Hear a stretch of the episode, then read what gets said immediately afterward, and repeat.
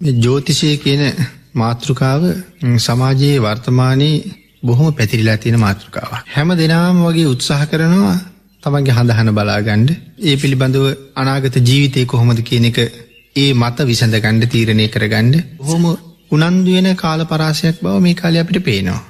නමුත් මේ ජෝතිසය කියන කාරණාව නැහැ කියලා අපි සඳහන් කරන්න නෑ. බුදුරජාණන් වහන්සේ පහළවෙඩ කලින් රිෂිවරු ළඟ මේ ශාස්ත්‍රය හොඳටම තිබුණා. එහෙම ශාස්ත්‍රයක් තියෙනවා. නමුත් අපි මේක සාකච්ඡා කරන්න හදන්නේ පුදු දහම ළඟ ඉඳලා. කයි තව කෙනෙක් ප්‍රශ්නයක් නැගුවොත් කියන කාරණාවට උත්තරයක්කින්ද තමයි ජෝතිසය කියන කාරණාවක් මාතෘකාවක් තියෙනවා. භාගිතුන් වහස පහළවෙන්ට කලින් ඉදර රිශිවරු ළඟ එහෙම ශාස්ත්‍රයක් තිබුණ. ඒගොල්ල එකක් කෙනගේ ජීවිතය බල්දිහා බල්ල නොෙක් අනාවැකිවාගේ දේවල් කියල තිබුණ. ඒව සාර්ථක වෙච්ච අවස්ථා තියෙනවා. හැබැයි වැරදිච්ච තැනු ත්‍රිපිටකේ මෝන තරම් පෙන්න්නට පුළුවන්. ත්‍රිපිටකෙම කරුණු පෙන්ලා සඳහන් කරන්න පුළුවන් ඒගොල්ල කියාපු දේවල්ල කොච්චර බොරු තිබුණද කියලා අපි මේ කාරණාව සඳහන් කරහම මේ ජෝතිෂ විද්‍යාවෙන් පුළුහන්ද කෙනෙකුගේ මාර්ගඵල ලැබීම පිළිබඳව කතා කරන්න. ඒ කාරණාව නං කිසි සේත්ම වෙන්නේ නැති කතාවක්.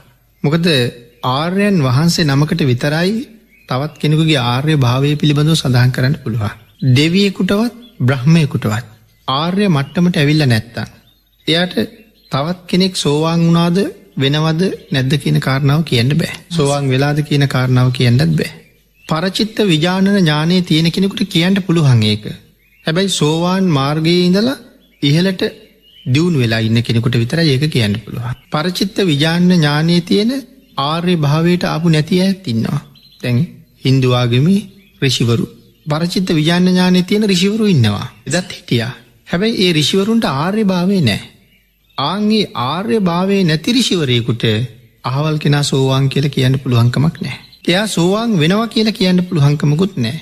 ඒකට කරුණු සඳහන් කරනවා මේ සෝවාන් ආර්යන් වහන්සේගේ සිතුවිලි ක්‍රියාත්ක වෙන ආකාරයට උන්වහන්සේගේ හරදවස්තුව වටේට තියෙන ආලෝක කදම්බයක් තියෙනවා. තැන්ගතකොට ආර්ය භාවයට පත්වෙලා නැති පරචිත්ත විජාන්න ඥානී තියෙනයට තව කෙනෙකුගේ හරදවස්තුව වටේට තියෙන මේ ආලෝක කදම්බේ බලන්න පුළුවන් එක දැක්ක හැකි. ඒ දැක්කට සෝවාන් වෙච්ච ආර්යන් වහන්සේ නමකගේ ඒ සිතුවිලිවල තියෙන පවිත්‍රත්වයක්ත් එක්ක ඇතිවෙන ආලෝක කදම්බය ඒ අය අඳුරන්නේ නෑ. නමුත් සෝවාන් සකදාගාමී කියන ආර්ය තත්වයට පත්වෙලා මේ කාරණාව දකින කෙනෙක් අඳුරනවා මේ සෝවාන් කෙනෙකුගේ ආලෝක කදම්බේ හැටි කියලා. ඒ නිසා එවන් කෙනෙකුට කියන්න පුළුවන් ආර්ය භාවයට ආපු නැති අරවගේ කෙනෙකුට ඒ ප්‍රකාශයක් කරන්න පුළුවන්කමක් නෑ. එහෙමනම් ආර්ය භාවයට පත්වෙලා නැති නමුත් ජෝතිෂ විද්‍යාව ප්‍රගුණ කරලා මේවාගේ දේවල් කතා කරන කෙනෙකුට කවදාවත් කියන්න බැහැ ඔබ සෝවාන් වෙනවා සකදාගාමි වෙනවා මාර්ග පල් ලබනවා කියලා කිවීමේ හැකියාව ඇත්තෙ නැති බව ධර්මය තුළිම පැදිලි වෙනවා. මම සඳහන් කලා අතීතයත් මේ ශාස්ත්‍රයත් තිබුණ.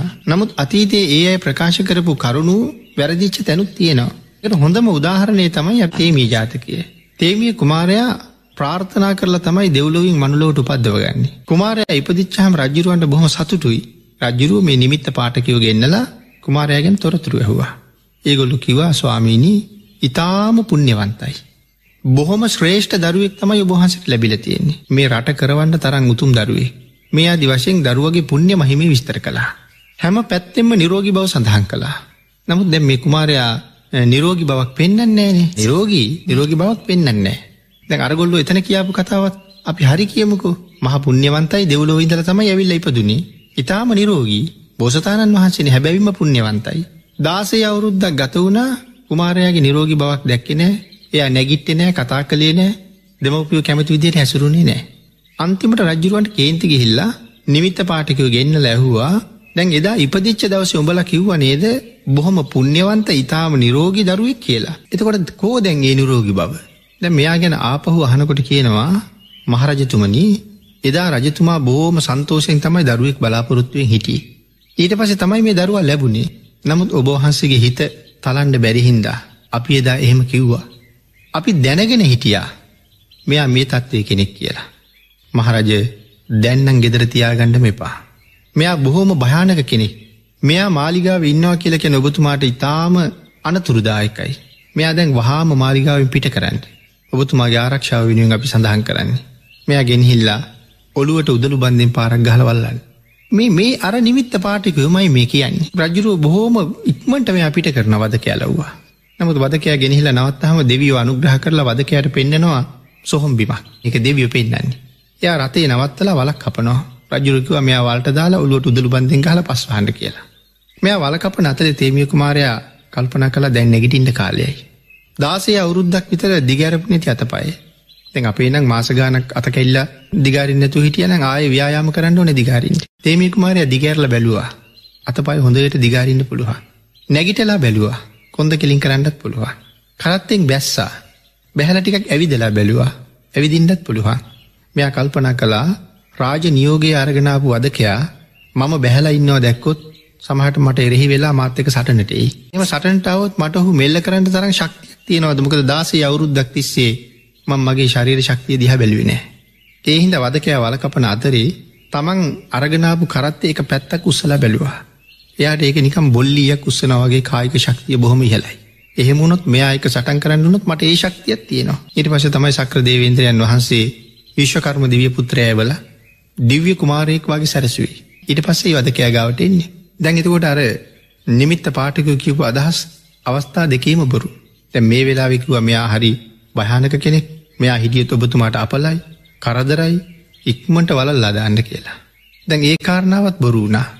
මුලින් කියපු කාරණාව ඇත්ත වනට දැ මෙතන මේ ගොල්ලන්ට ගැලවෙන්ට තමයි හට මෙහට කියන්න ඉතින් ඒ කාරණාවෙන් අපිට තේරෙනවා ඒගොල්ල දේවල් දැක්කනය කියලා එතකට බොරුවක් කියල තියෙන්නේ එනම් කෙනෙකුගේ ආර්ය භාවය කවදාවත් ජෝතිසියෙන් කියන්නත් බෑ. ඒක කාරණාව අපි බෞද්ධයෙක් සම්බන්ධව බුදු දහම මත ඉඳර කතා කරමු කියලා මෙතන සඳහන් කළේ අපේ බුදුරජාණන් වහන්සේ මේ ජෝතිසය කියන එක සම්පූර්ණයම අත්හරින්න කියලා තමයි දේශනා කර. එක මූලාශ්‍රයමම සඳහන් කරනවා මහානිද්දේශ පාලියේ පන්සිය විසිහයවෙනි පිටුවේ තමයි සඳහන් කරතිය. කරුණු හතරකින් සඳහන් කරනවා ආතබ්බනං සුපිනං ලක්කනං අතෝපිනක් අත්තා. පෙතන ආතබ්බනය කියල කෙනෙ මන්ත්‍ර ශාස්ත්‍රය. සුපිනං කියලගේවි සිහින ශාස්ත්‍රයේ ලක්කනං කියලකිවේ ශරීර අංග බලල සඳහ කරනම ලක්ෂණ ශාස්ත්‍රයේ අතෝ පිනක් අත්තන් කියලකිව නක්ෂාස්ත්‍රය. මේක බුදුරජාණන් හස මෙන්න මේ විදියට ප්‍රතික්ෂේප කරනවා යෙදෙන්ඩ එපා. මේ කාරණාවල යෙදෙන්ඩ එපා. විශේෂයෙන්ම යෙදෙන්ඩ එපා. යෙදෙන්ඩ එපා කියල සඳහන් ආය විශේෂයෙන් යෙදෙන්ඩ එපා. සලකණ්ඩ එපා. ඉගෙන ගණ්ඩ එපා. මතක දයාගණ්ඩ එපා. අනිත් අය යොදවන්න එපා. මේ ආදි වසයෙන් වචන ගණනාවකින් භාගිතුන් හස ප්‍රතික්ෂප කරනවා. එන භාගිතුන් හස සඳහන් කරන්නේ මේ තිරස්චීන විද්‍යාවන් හැටියට තමයි මේ දේවල් සලකලතියෙන්. පෙර සඳහන් කරපු ආතබ්බේ සුපිනය ලක්කනය අතෝපිනක්කත්තේ තිරස්චීන විද්‍යාවයි. සත්වයාගේ දියුණුවක් ඇති කර නෑ කියල භාගිතුන් හැ සඳහන් කරන්න. ජාතක පාලිය තියෙනවා නක්කත්ත ජාතකය කියලා ජාතක කතාව. ඒක සඳහන් කරනවා සත්වයාගේ දියුණුවක් මේ නැකත නිසා ඇතිවෙන්නේ නෑ කියන කාර භාගිතුන් වහසනං නැකතත් ප්‍රතික්ෂේප කරනවානි පුුණ බුද්ධගම නැකත ප්‍රතික්ෂේපයි. උළු අහු තියෙන නැකත් උළු වහන නැකත් මුල්ගල් තියෙන නැකත් විවාහන් නැකත් මේ දේව සේරම් භාගිතුන් හස ප්‍රතික්ෂප කරලා තියෙන ප්‍රමාදයට හේතුවෙන සහ ඒවගේ සත්‍ය බවක් නැති නිසා විශේෂෙන් භික්ෂූන් වහසට නම් දැඩිසේම එක තහන එනකට භාගිතුන් වහස මේ නක්කත ජාතකය සඳහන් කළේ එක නගරයක ඉන්න කුමාරිකාවක් තවත් තරුණයකුට විවාහ කරලා දෙන්න කටයුතු කරනවා. තරුණයාගේ අම්මා මේ නැකත් බලන කෙනෙක් ගවට ගෙහිල් අහනවා මගේ පුතාගේ විවාහහි සිද්ධ කරලා දෙන්න ඕන අද හොඳ නැකතක් තියෙනවද කියලා. නැකත් පලන එක්කනට තරහයනවා අද නැකතක් හදා ගණ්ඩාපු නිසා. එනිසා එයා මෙයාට දනුවමක් කරන්න හිතාගෙන අද තියෙන නැකත් එකක්වත් හොඳ නෑ හෙට තියෙන නැකතක් හදල දෙෙනවා හෙටයි හොඳ නැකත්තිය. දැන් මංගල අවස්ථාවට තරුණියගේ පාර්ශවය කට්ටිය ඔක්කොම සූදානන් වෙලා ඉන්නේ දැ මේ පිරිස අද යන්නේ නෑ නැකත හොඳ නැති හින්ද. අර පිරිස තරුණිය වෙන තරුණයකට විවාහ කරලා දෙනවා. මේගොල්ලු හෙට කියන දවස යනවා ඇයක්කෙන්ට ඒ මිනිස්සු මේගොලු ගහල පන්න ගන්නවා. ඒතුවට දියුණුවක් නෙම ඒ නැකතත් එක ගිහිල්ල වුණේ නාසයක් විතරයි සිද්ධ වෙලත්. ඉළඟට අපේ බුදුරජාණන් වහන්සේ මේ ශාස්ත්‍රයේ සසරින් එතරවීමට කිසිසේත්ම හේතුවෙන්නේ නෑ කියල සඳහන් කළා. මේ අපි සඳහන් කරපු මන්ත ශාස්ත්‍රයවත් ලක්කන ශාස්ත්‍රයවත් සිහින ශාස්ත්‍රයවත් නක්ෂාස්ත්‍රයවත් සංසාරයෙන් එතරවෙන්න කිසිමාකාරයකින් හේතුවෙන්නේ නෑ. සසරින් එතර කරවන්ට හේතුවෙන්නේ නැති නිසා බුදුරජාණන් වහස දේශනා කරලා තියෙන මේ දේවල් ඔක්කොම තිරස් චීන විද්‍යාවන් හැටියට තිරිසං යෝනිය උපදින්න හේතුවෙන කරුණු හැටියට තමයි පැහැදිලි කර ඒ නිසා අර වචන ගණනාවගෙන් එක තහනක් කළේ. මජ්්‍යමනිකාය තියෙනවා චන්දූපම සූත්‍රය කියල සූත්‍රය එහි සඳහන් කරනවා කෙලෙස් දාසයක් අඩු නම් යම් වෙලාවකොට ඔහුට යම් වැඩක් කරන්න හිතෙනවනං ඒ වෙලාව තමයි මේ උත්‍ර පලගුණ නැකත කියන්න කියලා. කෙලෙස් දාසයක් අඩුනං ඒ පුද්ගලයාට යම් වෙලාවක හිතෙනවනම් යම් වැඩක් කරන්න. ආන්ගේ හිතෙන වෙලාවතමයි උත්‍ර පලගුණ නැකත කියල කියන්නේ. මේ ලෝකෙ නැකත් තියෙනවා. දැන් දරුවෙක් ඉපදුනහම අපි නැකත හදනවා. දැන් දරුවා නැකත එනකම් බලාගෙනදල ඉපදුන අනෙමේනි දරුවා උපදින වෙලාට දරුව උපදිනවා. අපි ඊට පස්සේ තමයි නැකත හදන්න. ඒ ගැන ලෝක නැකත් තියෙනවා. ඒ තමන්ට සුදුසු වෙලාව තමයි නැකත. දැම් බෝසතාණන් වහන්සේ බුද්ධත්වය සඳහා බෝධිමූලයට වැඩම කරපු වෙලාව ලෞතුරා බුද්ධරාජ්‍ය ලබාගත්ත වෙලාව නැකතක්. ඒක කවරුව හදල දුන්න නැකතක් නෙමෙයි. උන්වහන්සේ බුද්ධත්වය ලැබුවේ ඒ සඳහා සුදුසුම වෙලාවේ බෝධිමූලයට ගිහිල්ල වජ්‍රාසනය මත වැඩහිටියේ සුදුසුම වෙලාවේ. ඒ වෙලාව මේලෝක නැකත. රුවන්වැලි මහසෑය හදන්ඩ ලෑස්තින වෙලාව කවරුවත් නැකත් බැලුවනෑ නමුත් මහසෑය හදන්න මුල්ගල් තියෙන වෙලාව හැබැවිම්ම නැකතක් ඒ වෙලාවට නැකතක් තියෙනවා. ලෝකෙ නැකත් තියෙන හින්ද කෙනෙකුට ඒක පැහැදිලි කරලා සුද්ධ කරලා කියන්න පුළුවන් මේ වෙලාව අහවල් අහවල් නැකතයි කියලා. ඒලකට අපි සාමාන්‍යෙන් නැකත් ශාස්ත්‍ර හදනකොට ජෝතිෂ විද්‍යාව හදනකොට අපි කියනවා මේ රාහුගේ අපලි තියෙනවා. සෙනසුරුගේ අපලි තියෙනවා. මෙච්චර කාලයක්. ඒ නිසා මෙහෙම මෙහෙම කරන්න ඕන. මේ රාහු සෙනසුරු කියන අයත් හැබැවටම බුදුන් සරණගියපු ආරිශ්‍රාව රාහුවස්වරේන්ද්‍රයත් භාගිතුන් වහස සරණගියපු කෙනෙ. එමන ඒගොල්ලො හැබැවිම බුදුරජාණන් වහසේ සරණ මත පිහිටලයින්න ඒගොල්ලො කවදාවත් අපල කරන්නේ නෑ කරදර කරන්නේ නෑ තෙරුවන් සරණ ගියපු අයට. එනම් තෙරුවන් සරණ ගියපු අයට මේලෝක කාගෙන්වත් හිරිහරයක් කරදරයක් එහෙම සිද්ධ වෙන්නේ සිද්ධ වෙන්න නෑ. ඒ ආරක්ෂාව තිසරණය සහ පන්සිල් මත සුරක්ෂිත වෙලත් ඒ නිසා මේ බුද්ධාගමේ හැම වෙලාම භාගිතුන් වහස දේශනා කළේ ඉපදෙන කෙනා මරණය කියන ධර්මතාවය අරගෙනමයි ඉපදෙන්නේ. එයා ඉපදිලා මැරෙනවා ආයතනක උපදිනවා. ආය ඉපදෙනවා ආය මැරෙනවා. උපතත් එක් අරගනාපු ධර්මතාවය මරණය. හැබැයි බුදු දහම කියල කියන්නේ ඉපදිච්ච කෙනා ආය කවදාවත් නොමැරෙන කෙනෙක් බවට පත් කරන එක. ආය කවදාවත් නූපදින කෙනෙක් බවට පත් කරන එක. ඒකයි බුදුරජාණන් වහන්සේ දේශනාව. දුදහමෙන් උත්සාහ කළෙත් ඒකට නමුත් අරශාස්ත්‍රවලින් කවදාවත් ඒදේ කරන්න බැරි නිසා භාගිතුනහන් සඳහන් කළ සංසාර සැපය සංසාර සුවය සසරින් මිදීම හොයාගෙන යන කෙනාට තිසරණ පන්සිල් තමයි වටින්න කියලා. නිනිසා භාගිතුන් වහස මේ නැකත කියන කාරණාව ඒ තරම්ම ප්‍රතික්ෂේප කරනවා. එතන සඳහන් කලා මේ රහත් උනා කියලා කියන්නේ නක්ෂස්ත්‍රයේ කණපිට හරෝප එකක් කියලා. කෙනෙක් ආර්ය භාවයට ගියා කියලා කියන සම්පූර්ණ නැකත කණපිට හැරව කියන එක එහින්ද එයා ආය සංසාරයට එන්නේ එන්නේ නෑ තෙන්ට ගෙනියන්න පුළුවන් වුණේ මේ ශ්‍රේෂ්ඨ ධර්මයට විතරයි.